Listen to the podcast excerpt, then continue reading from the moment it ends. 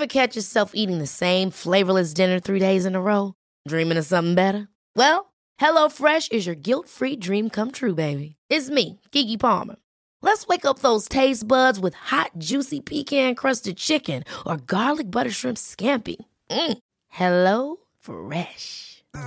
Stop dreaming of all the delicious possibilities and dig in at HelloFresh.com. Let's get this dinner party started. One size fits all seemed like a good idea for clothes Nice dress. Uh, it's a it's a t-shirt. until you tried it on. Same goes for your healthcare. That's why United Healthcare offers a variety of flexible, budget friendly coverage for medical, vision, dental, and more. So, whether you're between jobs, coming off a parent's plan, or even missed open enrollment, you can find the plan that fits you best. Find out more about United Healthcare coverage at uh1.com. That's uh1.com. Quality sleep is essential. That's why the Sleep Number Smart Bed is designed for your ever evolving sleep needs. Need a bed that's firmer or softer on either side? Helps you sleep at a comfortable temperature? Sleep Number Smart Beds let you individualize your comfort so you sleep better together. JD Power ranks Sleep Number number 1 in customer satisfaction with mattresses purchased in-store. And now, save 50% on the Sleep Number limited edition Smart Bed for a limited time. For JD Power 2023 award information, visit jdpower.com/awards. Only at a Sleep Number store or sleepnumber.com.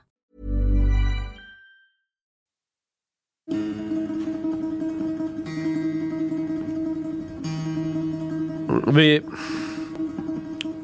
vi ska tydligen ha liveshower i år. Den 20 maj är vi i Göteborg.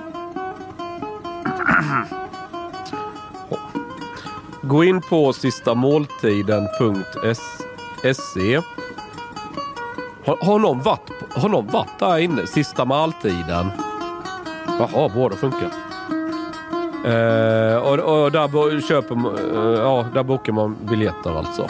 Mm.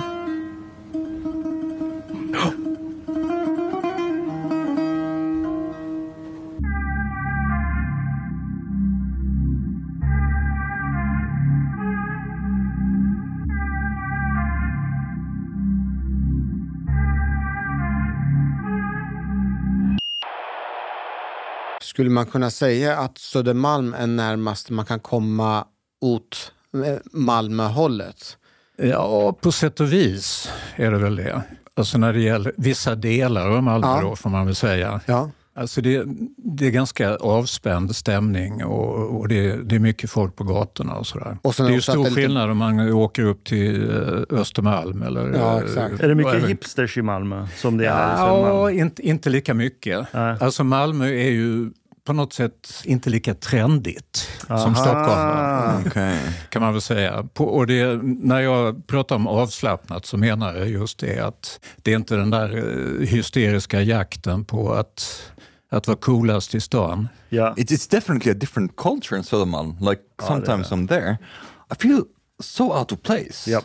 I feel like I don't know what exactly, but it's like I don't know. I don't like it. Nej, men Sö- Södermalm är så kraftigt så wannabe-komplex av typ Brooklyn och Williamsburg och ja, men den typ, Berlin också. Berlin, ja. Fast den skillnaden, ska- rätta mig om jag har fel, men det känns som att Malmö är mer autentiskt. Att man är bohemisk, man ser ut, man cyklar, man har piercing i näsan och man lajvar inte att man är på Söder.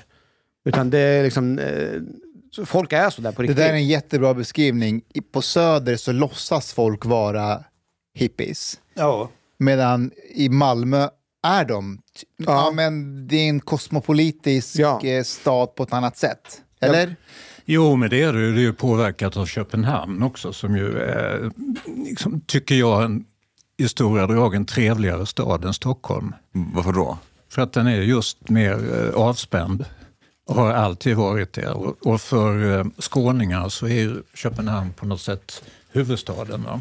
Stockholm ligger på väg till Murmansk. Ungefär det. Jag, har- jag har många, många kompisar i Malmö som eh, de åker aldrig till Stockholm. Var, varför skulle jag göra det, säger de. Åker de någonstans så åker de söderut. Eller ja, Berlin, London, eh, Köpenhamn. Då. Som jag åker enkelt till. Men vad är deras agg mot Stockholm och stockholmare? Jag tror det är det här klassiska, liksom, centrum och periferi och att stockholmare... Alltså det finns ju en uppfattning bland Malmöbor framförallt och jag tror göteborgare har nog samma uppfattning att stockholmare har liksom näsan i vädret och är, Men det, är är, lite- det inte lite sant dock? tycker, tycker att de är viktiga och Ja. liksom sådär. Alltså det där stämmer ju och det ultimata beviset på det är att eh, Mal, Mal, Malmöre och göteborgare pratar gärna om stockholmare. Stockholmare pratar aldrig om de som bor i Malmö och. Göteborg. För att de existerar inte i deras värld, för att de är i centrum. Ja. Sen har jag en te- teori till, så vi ser ifall det stämmer. Men är det inte så att många söker sig till Stockholm specifikt för att bli någonting, göra en karriär? Och då ser man upp till andra personer som är någonting och gör karriär. Medan i Malmö man kanske skiter fullständigt om man gör någon karriär eller inte. Jo. Alltså jag, jag har ju kompisar. Det, det finns ett fik i centrala Malmö som heter Siesta. Och det, det är liksom ett bra namn på Ja. inställningen. Och, det, och där, där satt ju folk år ut och år in och eh, en kompis som jag har som flyttade till Stockholm sen, han, han sa så här, ja jag blev ju ingenting i livet för att jag satt på siesta i 20 år. jag, hade, jag hade väldigt trevligt men eh, Sen upptäckte han i, i Stockholm då att det var inte så lätt att komma in i, i livet här. Nej, det är skitsvårt. Ja. Nej, för du och jag ju- tycker ju inte heller att det är lätt. Alltså min fru är ju från Stockholm, det är därför vi flyttade hit igen. Eh, för att vi hade bott i Malmö så länge så det var någon slags rättvis eh, krav då att vi skulle Kan komma du ge hit. några exempel på hur du upplever att det, det är svårare för dig att komma in i sammanhang i Stockholm jämfört med Malmö? Det, ja, det, har ju mycket med att göra att man inte har de där eh, automatiska kontakterna. Alltså, jag är inte del av någon eh, grupp i Stockholm. Jag tillhör inte någon sekt eller någon, något, vad ska jag säga, någon, någon grupp kring någon speciell tidning eller speciellt medium eller så. Utan jag är ju mycket en loner på det sättet. Va? Någon som kommer från sidan, new kid in town. Även om jag inte var så mycket kid när jag kom hit. På tal om loner och egens Tjena. kid in town. Hej, hej. hej. Tjena. Han har skaffat sig nya hörselkåpor också. Nej, de. Chang, vi pratar om eh, människor som går sin egen väg. Lars berättade att han är en sån som inte tillhör någon sekt eller någon grupp. Eller... Ja, men det finns utrymme om han vill vara med i någon. Vi kan nog hitta någon som... Ja, jag letar hela tiden. Men du har väl jobbat på DN? Eller ja, men, det så, men det är så länge sedan så att de Men det som, räknas väl som sekt? det räknas som en sekt. Ja. Men, men de jag jobbade med då har ju pensionerat så de är inte kvar på DN. Så jag har inga liksom, Var inte Wolodarski där då? Nej, han är så ung. Han kom långt efter mig. Hur länge sedan var det du var där? Ja, det var 70-talet. Aha. Så det är way back. DN change a lot from back then to now? Ja, oh ja. Alltså då, då eh, var det ju... Jag blev ju lite headhuntad, kan jag väl skryta med då. Jag bodde i Malmö och blev uppringd för jag hade skrivit några artiklar på kultursidan, eh, där det inte är så lätt att komma in idag. Eh, om, eh, faktiskt om indianer i USA. Jag hade bott en del där och eh, bott säger i reservat och så. vi säger Ursprung- ursprungsbefolkning här, Lars. säger vi Ja. numera. Ja. Eh, och, då blev jag erbjuden vikariat i, i Stockholm och flyttade hit. Och så jobbade jag på DN ett antal år, på utlandsredaktionen framför allt. Så det var så. Och, men alla de människorna har ju slutat jobba nu. Så jag har inga kontakter kvar på DN. But, in what way was the, var tidningen annorlunda då jämfört med idag? Ja, alltså då, då var den ju tidningen med stort T. Det var ju som, eh, s- att jobba på DN kändes ju också liksom sådär. Då, då var man på rätt ställe och det var väldigt många bra skribenter och bra utrikeskorrespondenter som jobbade på DN. Så den hade ju, liksom, det fanns ett förtroende för tidningen då som inte är lika stort idag kan man väl säga. And, and ideologically, can one say that it, mm, there, hasn't, there hasn't been any change back then compared to today? Alltså det, nu är den ju så, eh, vad ska jag säga, socialdemokratisk tycker jag, hela tidningen. Från ledarsidan och Och den, den var ju inte lika tydlig. Alltså då var det ju en liberal ledarsida. Det var ju väl, de höll ju på Folkpartiet och sen men resten av tidningen var ju ja, ganska öppen tyckte jag. Den lutade väl åt vänster rent allmänt och det gjorde vi ju allihop på den tiden kan man säga. Right. Som jobbade som journalister. Det ska man inte sticka under stolen. Alltså det, det är ju inget nytt det här att eh, journalister har en, eh, vad ska vi kalla det, en, en lutning åt det ena eller andra hållet. Att vara en objektiv journalist är ju förmodligen en omöjlighet. F- fanns det någon, något skrå av dissidenter på den tiden? Så högerriktade dissidenter som hade sin egen tidning som... Nej, alltså det, det är ju också intressant det här med positionsförflyttningar. Att ehm, eh, det som kallas för alternativa medier idag, de identifierar sig nästan alltid som höger. Men på den tiden var ju alla, all, allt som var alternativt på den tiden var ju vänster. Right. Det var liksom alternativfestivalen mot Melodifestivalen. Och det, var, och det var en massa tidningar som gjordes i, i små upplagor och utan pengar. Men de, de kallas för alternativa tidningar och alla de var ju vänster i någon mening.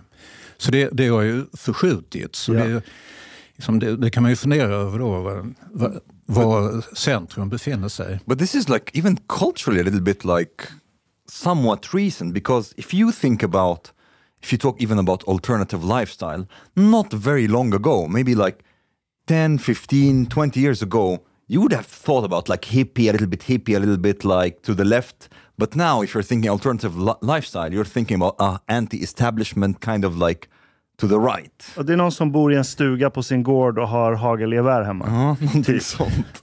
Och inte vaccinera sig. det är den nya hippien. Chang ser väldigt oberörd. Är du, är du en sån? Du är inte vaccinerad, eller hur? Nej.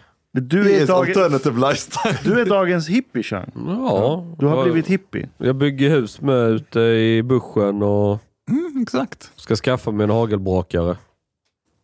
Ja, nej, men det är precis som de gamla communes i USA. Folk som flyttade ut från San Francisco och så när det blev för trångt där ut på landet i, i någon stuga just. Eller så byggde de själva någon dome eller någonting och odlade grönsaker. Ja, men liksom mamma, pappa, barn, den typen av familj. Det är rätt radikalt idag. Och sen, eh, och sen eh, liksom ett hus med spröjsade fönster. Inte sån här könlös eh, skolåda som en arkitekt har ritat i betong och glas. Det är också väldigt radikalt att bo i ett, eh, ja, så som huset ska se ut enligt mig. Men ja, jag tänkte gå riktigt mot strömmen. Mm. Uh-huh. Du, Lars, jag är lite nyfiken på din eh, tid i USA. För du har ju skrivit två böcker om, om urfolksinvånare. The Red Indians. Ursprungsbefolkning. Ja. Eller hur? Alltså, Ja. var, var kom det där ifrån? Har du ändrat boktiteln i efterhand? Nej, det går ju inte att krafsa bort. Utan, eh, Men du hade velat om det hade gått? oh ja, det måste man ju göra. Or maybe, maybe you would go against the stream and be like, okay, now I will call them Red Indians. Men, vad sa ni att den hette? Cowboys och... Nej, det, alltså, egentligen har jag ju gjort många fler böcker från USA. Två av dem handlar om urbefolkningar. Och den ena heter Kluven tunga och kom redan på 70-talet efter mina första resor. Och sen så gav vi ut en som hette Ett varmt regn ska falla. Och båda de här böckerna hade då det hemska i-ordet i undertiteln. I ordet. Men det, det, det roliga är ju att eh, nästan alla som man träffar som bor i reservat så säger själva Indiens om, alltså när de, när de Ja. pratar om sig själva. Japp. Alternativt eh, använder de liksom stambeteckningen Navajo eller Hopi eller vad de nu kan vara för någonting. När jag var yngre hade jag en sån här t-shirt där det stod att indianerna tillät invandring, nu lever de i reservat. Men det kanske ansågs så hemskt att säga så även då på 70-talet. Alltså det var, jag kommer ihåg den, det var ju en sån där eh, extremhöger-slogan på den tiden. Jag tror det var Skånepartiet bland annat. Ja, det var det nog. Jag får- eh, hade den. Jag fick det av någon kompis på fyllan så tyckte de var rätt rolig för jag var ju den som sedd som invandraren i skolan ju. Så hade jag ju den på mig. Det blev ju lite PK syntax error. Hur gammal var du? Tre? Nej, men vad var man? 15, 16, kanske 17? N- när du var i USA, besökte du de här indianstammarna? Och, Ja, ja, alltså jag bodde ju i, i flera perioder i ett antal reservat då, som, som de här böckerna handlar om. Det började ju med, det var ju tidningsreportage först och radioreportage som växte ut till böcker kan man säga. hur, hur, länge bod, hur länge bodde du med dem? Ehm? Ja, det var väl alltså det var två långa resor, 74 och 75, tre månader i, i stöten och större delen av den tiden tillbringade jag då i reservaten. Did, did anyone try to scalp you? Nej. Men däremot så var det, alltså det, var, det var ganska tufft läge för att jag vet att ni, ni är så unga så att ni minns inte ockupationen av Wounded Knee. Nej. Ni har inte hört talas om den heller, men den, den var en, en central eh, historia i, i modern eh, vad ska vi säga, ursprungsbefolkningshistoria. För att 1890... Så Kan vi inte säga indian? Det går snabbare. Ja, 1890 ägde det rum en massaker i en liten, liten by som heter Wounded Knee som ligger, ligger i South Dakota. Mitt inne i USA där Sioux-indianerna bor. Sitting Bull var en, en viktig hövding där på den tiden. Och det var en, en massaker på kvinnor och barn i princip eh, som armén då utförde. Och det, det markerade slutet kan man säga på de här, det som kallas för indiankrigen. Efter det var indianerna fullständigt... When was that Då var de losers. 1890? 1890 var det. Mm. Så det var efter eh, många, ett, ett par sekler och många decennier eh, som var intensiva strider och sådär. Och, eh, men sen 1973, inspirerad av Svarta pantrarna och Black Power och det som fanns i tiden, så kom det, växte upp en indianrörelse som hette American Indian Movement som ville återupprätta eh, kulturell stolthet men också få tillbaka mark som de ansåg då hade stulits. Right. Och i Wounded Knee eh, ockuperade man den här lilla byn som en symbolisk handling. Och, eh, det, var, det berodde också på att i det här reservatet där detta ligger så var det extremt mycket våld och det var motsättningar mellan en korrupt stamregering och eh, lokalbefolkningen. Och sen kallades, det var Nixon var president på den tiden, man kallade in militär och det blev 90 dagars, 91 dagars belägring. Och, eh, det var i, i nyheterna varenda dag. Alltså hade CNN funnits på den tiden när de direktsänt hela tiden. Och där var jag då ett år senare då det fortfarande var väldigt mycket våld i luften och, och eh, två grupper som hade ihjäl varandra i princip. Så att eh, man kan väl säga att vi var, jag åkte med en kompis då som är fotograf, vi var ju ganska naiva, vi var inte så gamla. Vi insåg nog inte riktigt hur farligt det var att vara där och som två vitingar också. But Så- wait, two groups like Indians? Or? Ja. Aha, okay. Två, indis, två indianstammar som... Nej, det var inte två stammar utan det var, det två grupper inom samma stam. Man kan säga att eh, Jaha, som KM-falangen i Malmö. det, här, det var som KFML och KPMLR i, Ja, i ja. Sverige ungefär. Ja. Det var en utbrytargrupp. Nej, men det var mellan de som, var, det var- som kallade sig för traditionalister som ville leva ett mer indianskt Mm. liv på det gamla sättet. Och så de som eh, tyckte att man, man kunde göra business med regeringen och eh, leva, ett mer kapitalistiskt Jaha, liv. som salafister var och, och sådana som Mustafa. Typ. Ja. Men du, kan du berätta lite om vad du hade för, för tankar och idéer när du åkte dit? Om indianer och hela det där. Ja, då var jag, insåg? då vi, jag visste ju inte sådär jättemycket. Att jag, jag var, eller vi två, då, vi var väl vidöppet intresserade av allt som var amerikanskt. För att vi var, vi var impregnerade med amerikansk film, amerikansk musik inte minst.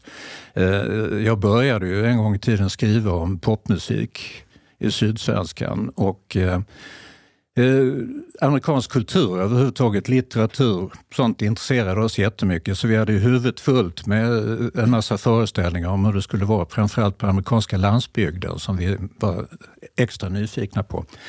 Så att vi hamnade, genom att vi fick en bra kontakt i San Francisco med en tjej som i sin tur då kände folk i det här reservatet så hamnade vi där. Vi köpte en gammal bil och körde dit, sträckkörde från San Francisco till South Dakota. Och så fastnade vi där för att det var så intressant helt enkelt.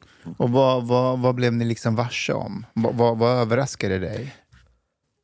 Ja, att, att, att det var en sån eh, att det var en sån levande motsättning i samhället fortfarande. Alltså man, man visste ju inte sådär jättemycket om hur de här människorna levde i, i ett reservat till exempel. Då tror man att det är ett staket runt och, och så. Men ett reservat är ett ställe som har ett speciellt juridiskt förhållande till den federala regeringen. Och det, där finns, det gör att regeringen har vissa skyldigheter mot de som bor där som de inte har mot andra i USA. Och i gengäld så eh, så eh, ja, det är väl inte så mycket gengäld egentligen utan det, det finns en lokal poliskår, det finns ett lokalt styre som är begränsat naturligtvis. Men det, det fanns väldigt mycket korruption. Vilket ju var en källa till, eh, egentligen grundkällan till den här konflikten. Då, att det fanns ett mindre gäng som skodde sig och som tog de flesta pengarna som kom i form av bidrag från regeringen till reservatet. Lars, hur, hur stor andel av personer som bodde där hade missbruksproblem, alkoholproblem? Väldigt många. Alltså det var ju nästan bara alkohol då, det var inte så mycket knark.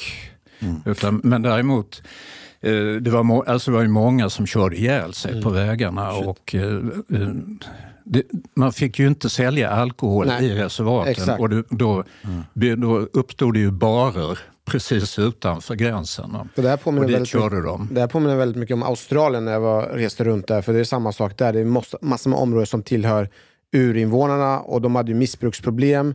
Man fick inte sälja någon alkohol. Men så dealade de ändå. Så stod de längst vägen och försökte lura turister och allting. Det var soppa. Ja. But Lars, uh, like, sometimes I think, or it seems to be that the narrative, not necessarily the development with, the Native Americans, in, um, but the narrative about the Native Americans and the conflict that uh, that has been between like the Americans and Native Americans and so on. It's somewhat of a reflection of how the Western culture itself has developed. So in the beginning, they were portrayed as these like savages against the civil man, and then the civil man has to get rid of them and then they went gradually to the ex- like the other extreme some kind of like rousseauan kind of like idea of the noble savages that like the white man came and like uh, with their violence and so on and these peaceful people who never knew violence before and while actually like the the, the native american tribes they were like they were savage against each other Ja, men de Uh, gjorde det på go- gott sätt. aha.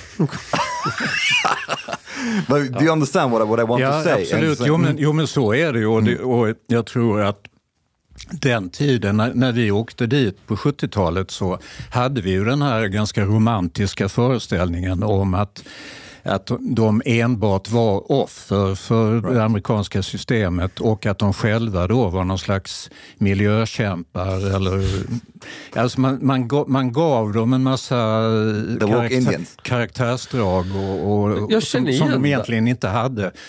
Och det, det är ju intressant för att jag har ju fortsatt att skriva en del om, om, eh, om de här ursprungsfolken och eh, min egen bild eh, får man väl säga är mer nyanserad idag och eh, förmodligen lite sannare. Och det är samtidigt är det ju mycket intressantare att skriva om det då. Right. När, när det inte är så renodlat. Utan det, det finns ju till exempel, jag, jag har skrivit i, i Svenska Dagbladet bland annat om rasi, den interna rasismen som finns då i, där man, eh, liksom, om ni kommer ihåg den här gamla boken som heter En droppe negerblod. Jag vet inte om den får ges ut Är det en svensk idag. bok? Eller? Jag, tror, vem, var, jag undrar om det inte var Mark Twain som skrev den, men det är någon gång på 1800-talet. Den skulle nog inte ges ut med den titeln oavsett vem som skrev den. Men lite grann på det temat så eh, det finns en aktuell, för att ta ett exempel, det finns en aktuell konflikt i en liten, liten stam uppe i nordvästra USA i delstaten Washington. Det bor några tusen människor där i ett skogsområde då, där de, de har haft den här, eh, det reservatet sedan i alla fall i gott och väl 150 år. Och då, då är det plötsligt så att några då som nu har makten i stammen har bestämt sig för att eh, 300 människor som bor i reservatet och som är registrerade som stammedlemmar och därmed har rätt att få bidrag och stöd från staten inte ska räknas som riktiga indianer eller riktiga stammedlemmar. För att de har någon gång i historien flyttat in utifrån. Och det är ju inte, det är inte de, utan detta är ju barnbarns barnbarns barn till de här tidigare. Alltså på så sätt så påminner det lite grann om Balkan. Vi, ve- vem var först i den här byn? Va? Var, det, var det vi som kallar oss serber eller vi som kallar oss bosnier? Eh, och, eh, så där är nu en konflikt där 300 människor har blivit hemlösa för att, de, för att de anses ha för lite av indian i sig. Av andra indianer som tycker att de är fullblod. Så den, den här, det är en sorglig, väldigt sorglig konflikt som på något sätt kan man ju säga den är allmänmänsklig för den typen av av strider finns ju över hela jorden men, men den, är ju, den är ju lika sorglig var den än dyker upp. va. Vi, vi har ju 40 olika etniska grupperingar där och fyra största som...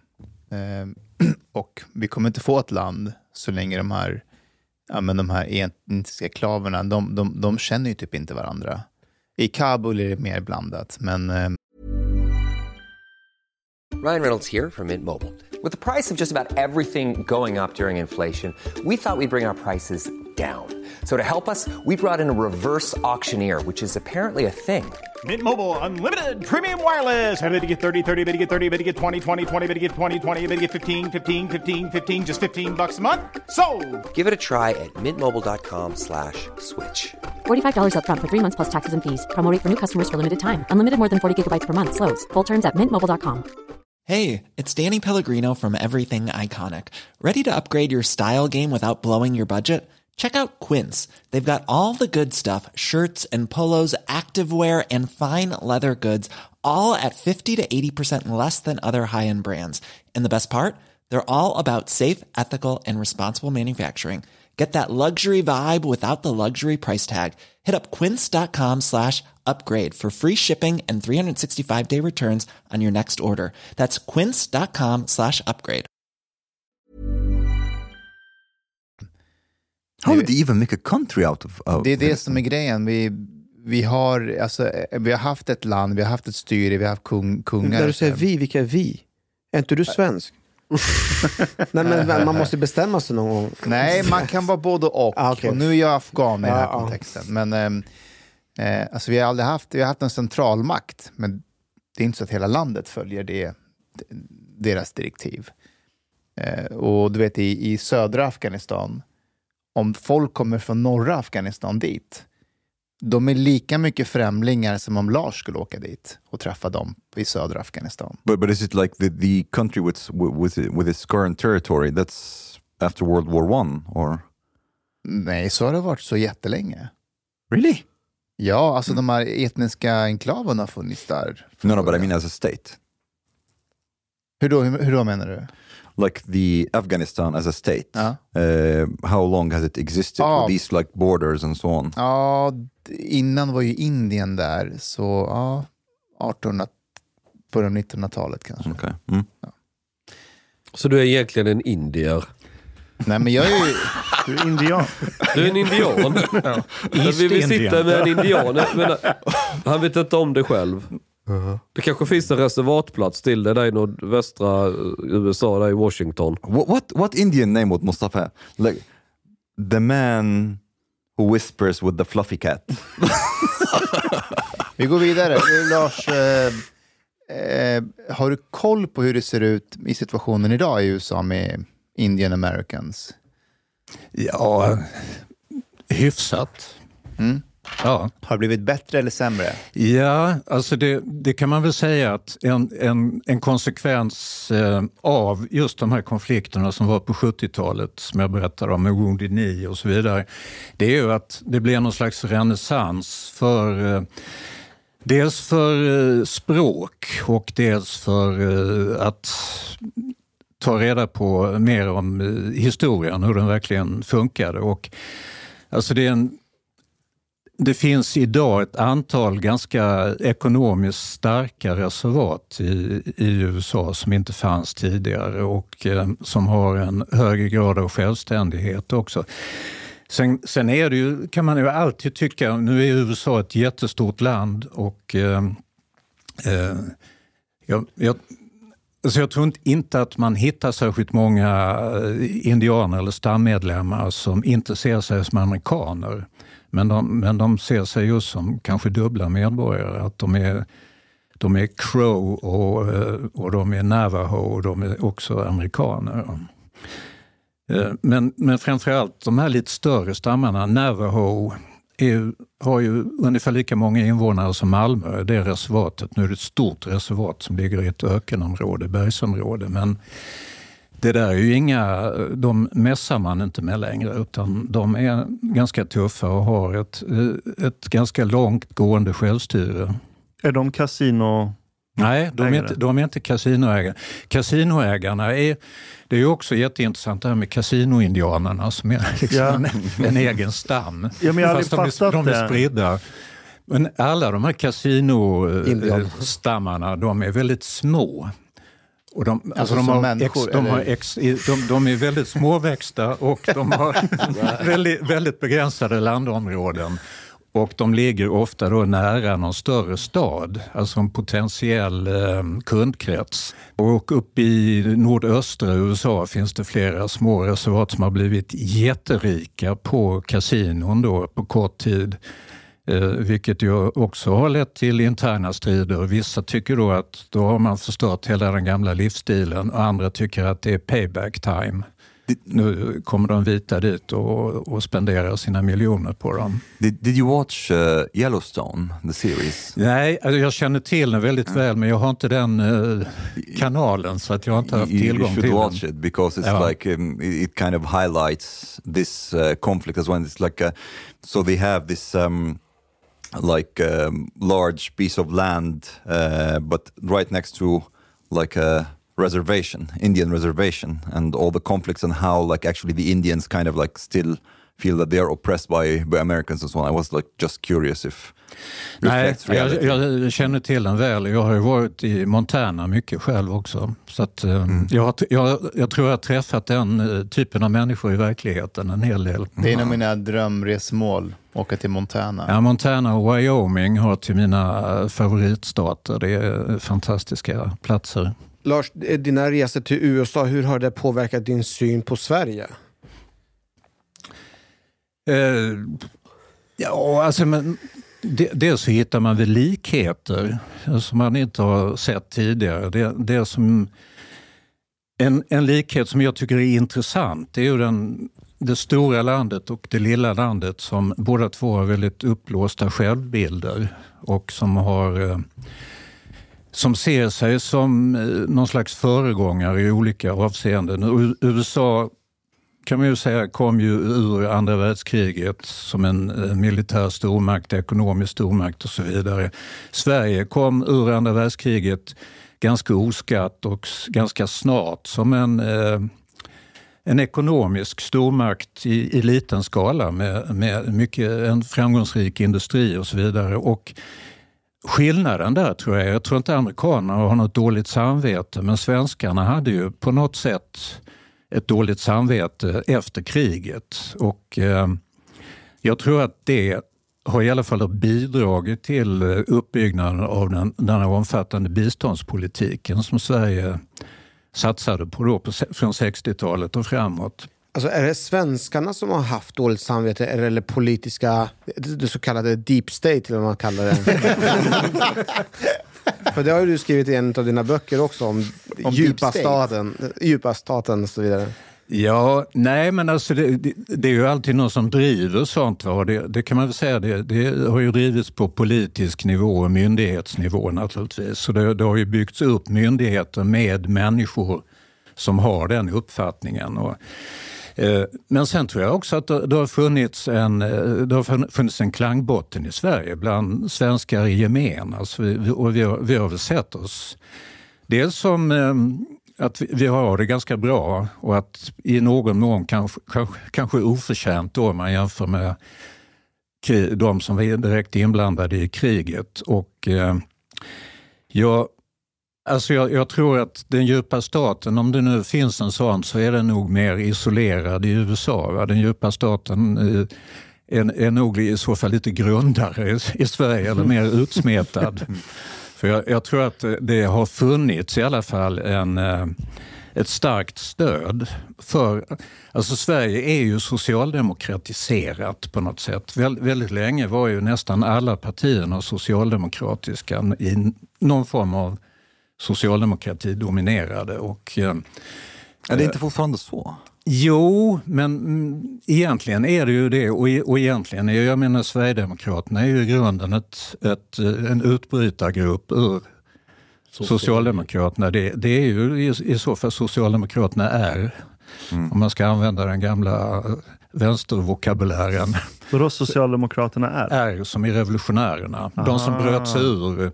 På 70-talet så fanns det ju någonting som heter KFML som var eh, populärt bland studenter i Stockholm. Kommunistiska förbundet, marxist-leninisterna. Men de var inte tillräckligt revolutionära då för en grupp i Göteborg som, som startade KFMLR. Kom, Med ett R och så, slutet. där R'arna stod för revolutionärerna och de, de, skulle då, de var ju mer proletära då till skillnad från de här salongsrevolutionärerna i Stockholm. Som, Skrivbordsradikaler. Ja. Det var det man kallade bokstavsvänstern. Fan, jag, jag var på ett seminarium häromdagen. Det var någon som pratade om socialdemokratins historia i Sverige och alternativrörelser. Det var ett starkt inslag av Lucifer och satanism. Va? Tydligen. Det fanns till och med en tidskrift som hette Lucifer som var en socialdemokratisk tidskrift. Men det är för sig ett lämpligt namn på en sossetidning. Mm, nej, det, har, det har inte jag, känner har inte aldrig jag hört till. talas om det heller. Nej, Nej. Ja, det, var, det var verkligen en sekt i så fall. Ja. Chang, jag vet inte ifall du har koll, men eh, Lasse har skrivit ett 20-tal böcker. Och sen så har jag skrivit en eh, bokserie, tre böcker som handlar just om Sverige. Eh, den första hette Framtidsstaden, som handlade om Malmö. Eh, den andra boken hette, vad, vad heter den? Landet där vad som helst kan hända. Just det, och så, så slutligen kom boken All- All, all, all Inclusive. inclusive, ja. Och vi träffades ju på flygplatsen och började specifikt prata om Malmö. För jag försöker ju liksom, när jag, jag har varit nu en vecka i Malmö och jag har försökt göra en studiebesök, jag försöker lära mig allt jag kan. Studiebesök. Ja, en vecka, fältstudie. Fältstudie. Vad, vad studerar du i Malmö? Vad är det du... Jag försökte liksom observera folket, jag försökte observera liksom, eh, demografi, jag försökte se butikerna, restaurangerna och försökte se saker och ting som avvek från Du har turistat i Malmö. Ja. eh, och när jag var ute och gick till exempel så, eh, det enda jag noterade var att jag själv, det var jag som avvek från alla andra. För när jag gick, eller vad jag än gjorde, så hade jag så jävla mycket mer bråttom. I Malmö är det alltid mycket lugnare, det lunk, alltså folk lunkar omkring. Du är, du är i Skåne. Ja, Folk stressar inte i Skåne. Nej. folk är betydligt trevligare än eh, här i Stockholm. Folk tar sig tid. Um, Hur mer... ser arbetslösheten ut i Malmö? Du menar att det finns en koppling där? Nej, jag, försöker, jag ställer bara en fråga. Alla, Det är alla sitter dubbel- på siesta och fikar. Malmö har dubbelt så hög arbetslöshet som rikssnittet. But, but like when people like say that people are nicer outside of Stockholm and that strangers can talk to you and things like I don't want that. I don't want strangers to talk to me on the street. I don't want them to be nice. I want them to leave me alone when I'm outside. I don't want Det, det är somebody därför to come and stockholmare. det Yeah, där är uh, uh, I, definitionen av I don't want to be like, you know, på tunnelbanan when somebody comes to me, a stranger, and starts to talk. I'm thinking about my own shit, about my life. I don't know who you are. I don't want you in my life. So, no, I like it in Stockholm. Ja, men folk är mer ytliga, folk är stressade. Vi pratade om innan förut att typ på, på Söder så är man någon så här wannabe, man vill vara någonting. Men i, i Malmö så är de på, eh, på riktigt finns ju jättemånga arbets, alltså, uteliggare som bara sover där och I, I. Malmö vet man att man inte kommer bli något, så att det är ingen mening att försöka vara något. Så då är man trevlig istället. Ja, det finns ingenting, man behöver, det är ingen prestige. Nej, man kan satsa på väsentligheter. Men är det inte det som är ytligt? Man träffar en random stranger. Vadå? Det är inte som att man börjar prata om Nietzsche efter två sekunder eller berätta om sitt missfall Det man kan har. hända.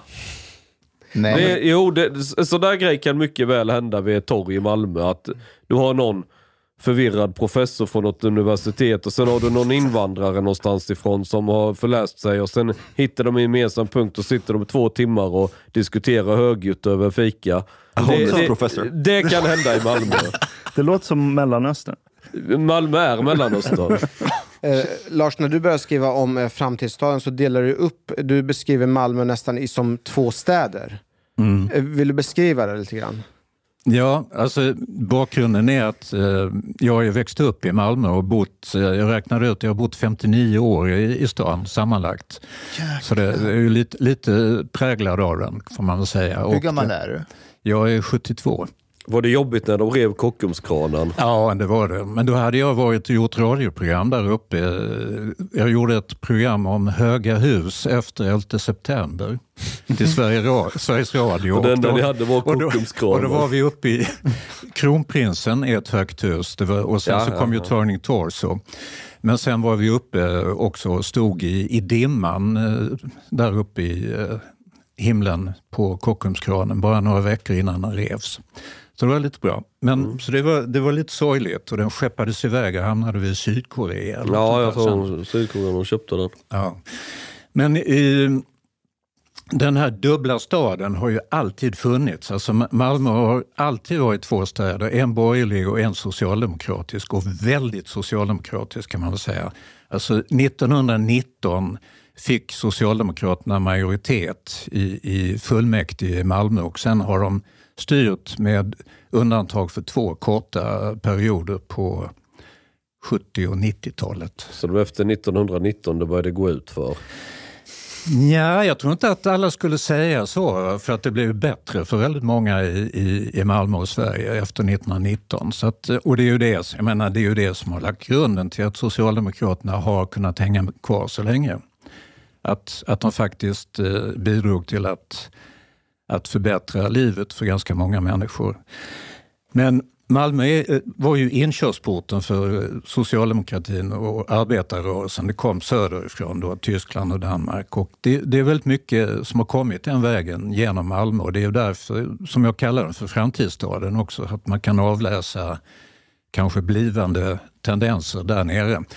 Och då, den andra tendensen har ju varit den stora invandringen som har påverkat stan. Eh, och som gör att man nu kan tala om en västra halva och en östra halva.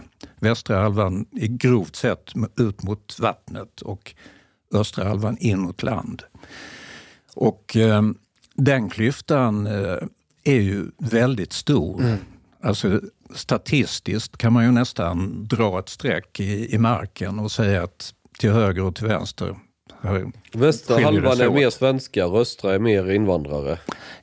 Ja, så är det. Och, och när jag var där och sprang, det var ju nästan på vissa områden har det blivit nästan som ett slags gated community där det är liksom lås och det är övervakningskameror eh, och om man får säga någonting, eh, det är väldigt vitt. Medan om man är mer mot centrum och den östra, då är det ju liksom kebab och det fanns till och med en restaurang som hette Hummus Son.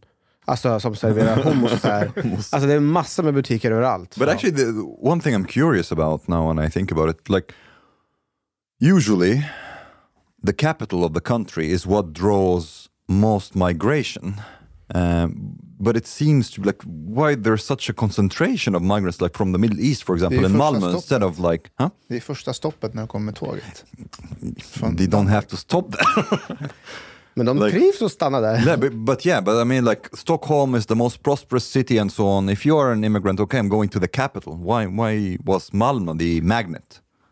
Ja, jag tror att ehm, det, det blev tidigt en invandringsstad vilket gjorde att många hade släktingar som bodde där. Och, Right. och många som bor i Malmö har ju släkt, i, inte minst i Tyskland. Och alltså det, det är väldigt nära. Och det är lätt också om du, om du vill åka till ditt gamla hemland så är det ju betydligt enklare. Köpenhamn är ju en större flygplats än vad Arlanda är.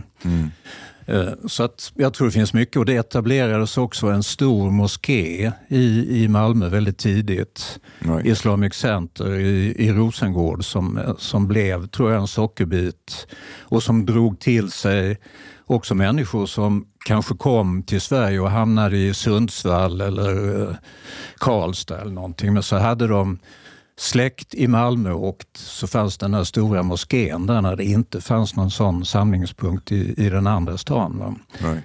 Så att eh, det, det har varit en, eh, en sockerbit för många. Och idag är det så, den senaste siffran är ju att 68 procent av de som går i grundskolan har eh, minst en förälder som är född utomlands. Det är fantastiskt. Det är en otrolig förändring alltså. Alltså, på, Äv, även om det länge har varit en, en invandringsstad så är det ändå en otroligt snabb förändring. Jag kan jämföra med min, när mina barn gick i skolan så gick de i klasser som var ungefär 50-50 och då ansågs det vara en skola med väldigt många invandrarbarn. Det var hälften barn- invand... Då var det ungefär hälften. Och när, när var detta? Detta är 80-90-tal. Du, eh, en sak som... Eh, när din bok kom ut fram till staden 2018 Mm. så var den väldigt omtalad. Och jag, lä- jag har ju läst den. Den är väldigt vacker skriven. Du skriver nästan lite poetiskt ibland om Malmö. Liksom. Eh, Väldigt fint. Men du fick ju... Den kom ju i en tid där vi var i brytpunkten mellan att eh, man får börja prata om saker och ting på ett annat sätt. Hur var reaktionerna eh, om boken när den kom ut? Eh, Ja, det var väl i huvudsak positiva reaktioner. I, i, i, de flesta recensionerna var väldigt positiva. Den enda riktigt negativa recensionen kom typiskt nog i Sydsvenskan, alltså i Malmö. I lilla DN. I, i lilla DN, ja. Och den, Var det alltså- Moa Berglöf? Nej, hon, hon, inte där hon, eh, nej jag, jag tror jag vet hur det gick till det här men det, alltså det, det, det var nog någon som tyckte att ehm, att ehm, den där killen som nu, jag hade ju skrivit hundra artiklar om Malmö på Sydsvenskans kultursida. Men det kändes ganska ensamt för att det var nästan aldrig någon, några repliker eller någon som gick in i debatten. Och det blev till slut ett argument från redaktionen då också att eh, men det är ju bara du som håller på och tjatar om de här sakerna. Och då hade jag skrivit om dem. Alltså min första artikel om Rosengård skrevs 1993, för 30 år sedan. Det var första gången jag skrev att, att det fanns tydliga tecken på separatism och eh, uppdelning i, inte bara mellan stadsdelen och resten av stan, utan uppdelning inom stadsdelen mellan olika grupper. Då. Använder inte du till och med ordet getto? I den artikeln? Jo, jag, jag, Det är väldigt vä- lyft in- magstarkt lyft- för att vara på 93 tänker jag. Ja, det var, det var nog för, jag var inspirerad av danskarna. De Ja. hade ju tagit det amerikanska begreppet ganska länge. Fast, när jag växte upp i Skåne så var det allmänt etablerat att i Malmö fanns det en massa getton. Det var så man pratade.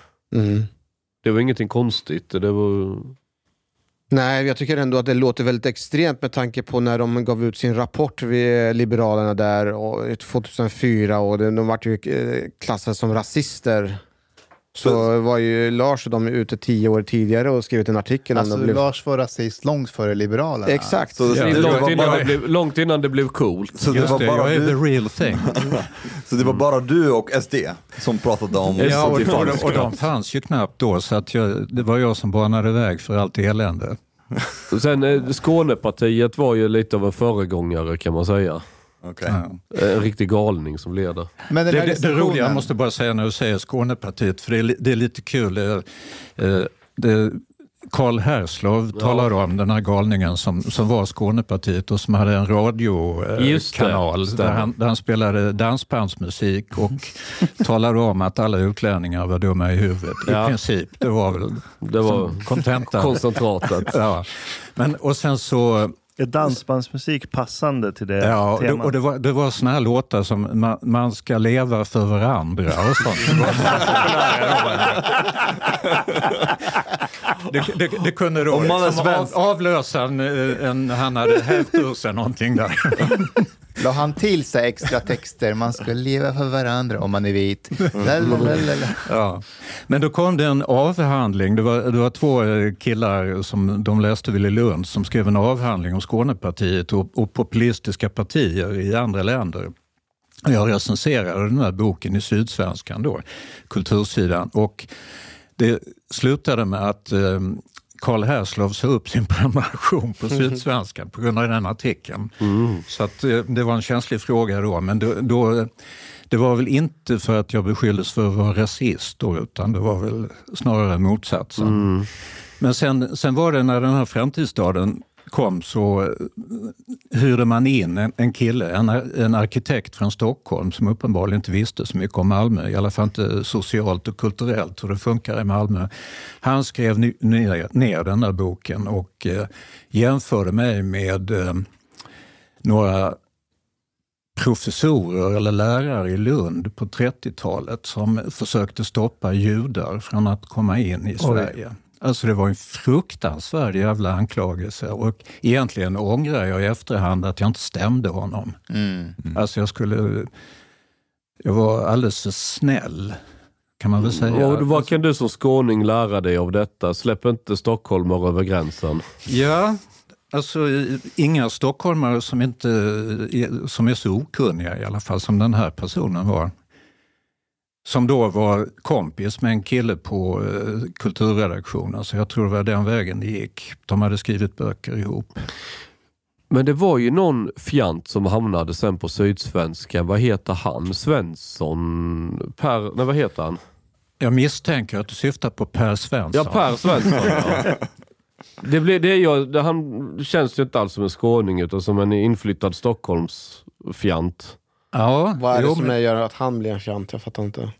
Jo, men, Per Svensson har ju nu bott i, i Malmö kanske 20 år, men han känns fortfarande väldigt inflyttad, det håller jag med om. Och, men han, han är väl en av de där som eh, vill vara en Malmöbo, han, men som Ja. al- aldrig kommer att bli det. Han, han cyklar och cyklar och cyklar.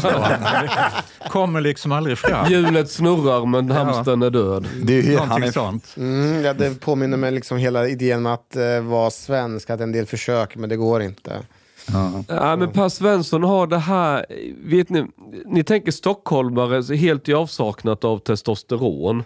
Förstår ni vad jag menar? De är, de är totala mesar och, och så tror jag de söker gunst hos medelålders kvinnor och då försöker de bli mer medelålders kvinnor än batikhäxorna själva. Så han blir så himla eh, känselspröta för minsta lilla som avviker och ska vara högst upp på den här piedestalen och vara, det, man brukar kalla eh, Sydsvenska för lilla DN. För att de, de ska också vara, eh, ha någon självbild av att de är då, ja. I fallet med Per Svensson, så han spenderade mycket av sin tid i Balkan under kriget. Och det där påverkade honom väldigt mycket. Den här nationalismen i Balkan och folkmordet. Så han återkommer alltid till det nästan när han skriver texter om antirasism och sånt där. Och vet du vad, jag förstår honom. Han har sett det på nära håll. Okej, Okej, visst, det har kommit lite nära in på honom, så så fort han ser någon form av nationalism så kopplar han det direkt till främlingsfientlighet. Eller alltså exkludering, men det finns ju också en inkluderande nationalism. Det ser han inte. Jag kan, jag kan förstå honom. Och, och på tal om den här nationalismen, alltså min eh, erfarenhet av eh, typ Malmö, framförallt skåningar, det är att det finns ju ingen som är mer, det heter väl inte nationalister, men så här patriot, patriotiska. Lokalpatrioter. Ja, som eh, Malmöbor och skåningar generellt. Landsbygden där skulle framförallt, när du kommer utanför städerna, utanför Lund och Malmö. Men var, var kommer det ifrån? Varför? Sjöbo. Ja, brukar, Sjöbopartiet. brukar ju tas fram som Men det är, väl, exempel. det är väl samma sak med de som bor i Malmö. Typ så det finns väl ingen som hejar på heter de, Malmö FF? Det sopiga fotbollslaget som leder. Som leder. Ja, alltså allsvenska just nu. Men Ja, får, jag Oj, lov, vad får jag lov att ringa min son och min sonson? ja, gör det. Får- De står nog i klacken dygnet runt. Ja. Men jag fattar inte varför man är så jäkla eh, lokalpatriotiska i Malmö. Eller i Skåne. Skåne skulle jag säga. Ja.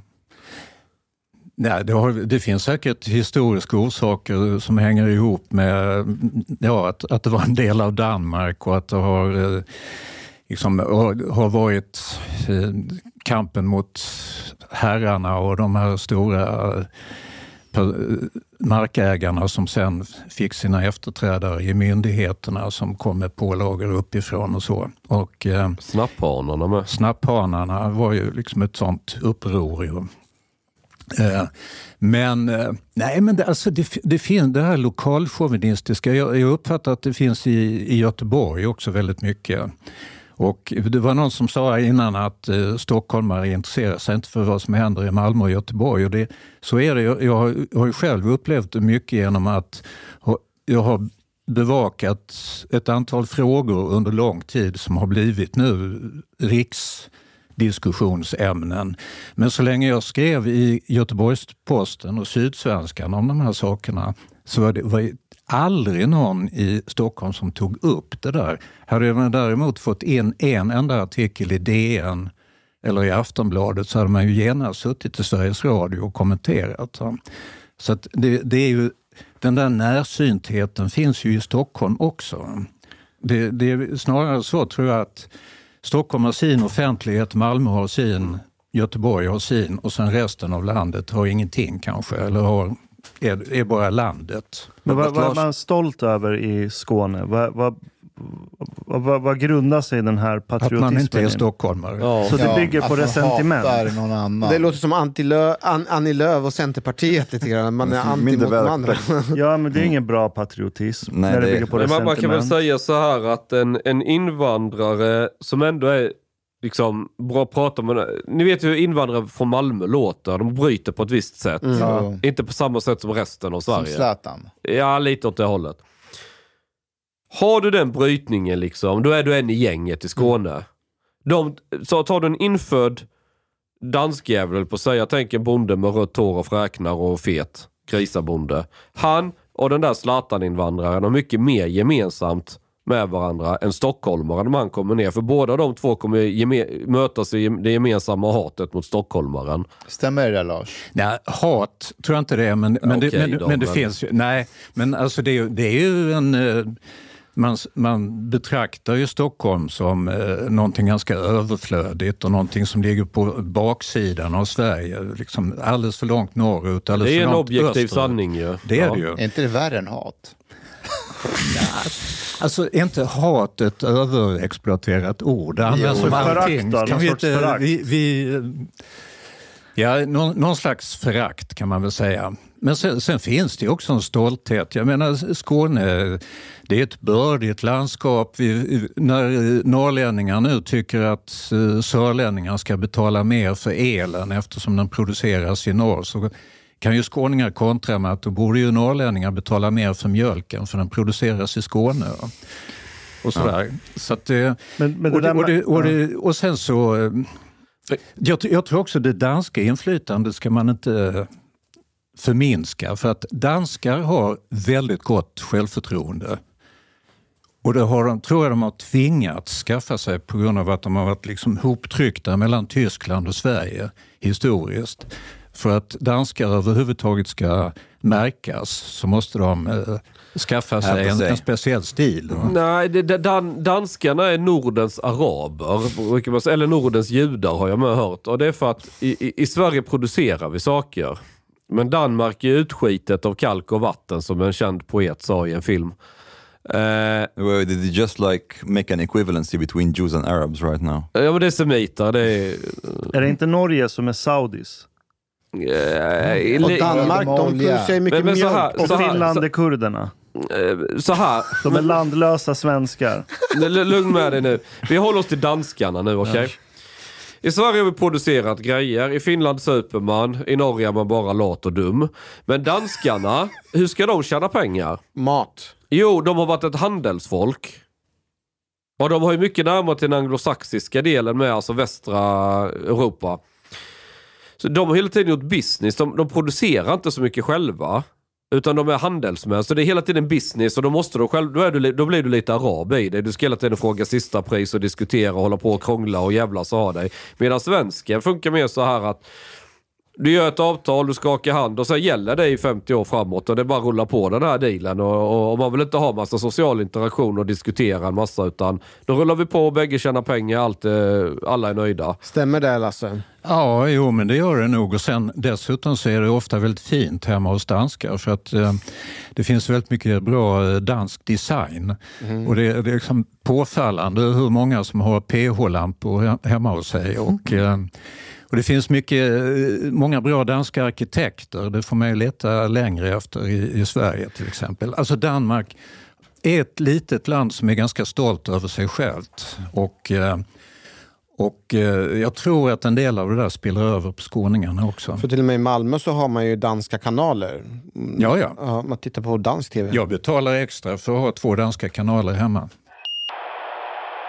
Talking about the demographic change that happened in Malmö and so on, how has this changed the general cultural norms and values? And, and I think the language as well. The language must have changed because I have friends from, from Malmö that say that there are like, you know, ethnic Swedes that now speak invandrare svenska.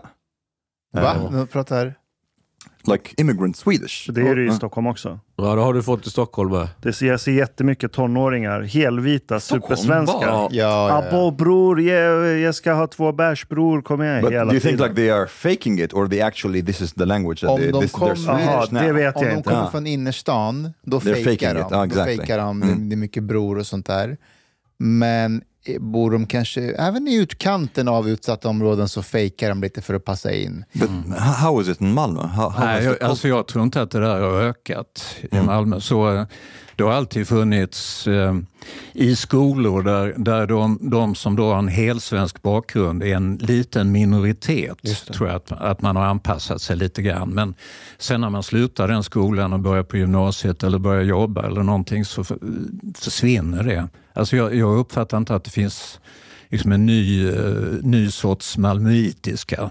So, so det tror jag inte. But is there like segregation that is similar to the segregation here in, in Stockholm? Ja, det är det. Den är, men den är ju inte, alltså Malmö är ju en sån kompakt stad så att eh, du kan ju cykla eh, tvärs igenom stan ganska snabbt. Och eh, det finns ju områden i, i centrala Malmö där det bor väldigt mycket invandrare. Så att eh, här måste du ju ta tunnelbanan för att, att stöta på dem. I was Eller like, hur? Det I är was, bättre uh, i Stockholm. Nej, men det var- det, är mer, det är som Göteborg. Va? är Man, man, vet, man vet var man har dem någonstans. Men i Malmö vet man aldrig var de dyker upp. I was one time Okej. Du har lyssnat så här långt. På sista måltid. En mycket fin radioprogram i Sverige. Du tycker det är mycket trevligt. Men, min vän, lyssna på du har inte betalat biljett på klubb sista måltid. De har blate grabbarna de behöver pengar. Flis. Lax. Stolar. Dirabilar. Lyxhotel. Du vet. Då måste du betala om du ska lyssna mer. Du får gaflera fler avsnitt också. Pakieterbjudande, helt enkelt. Läs i beskrivning för avsnitt, där det finns information för att bli medlem på klubzista måltid. Det kostar som en mycket liten kaffelatte ute på torget. Per månad. Lätt som en plätt. Tack, min vän.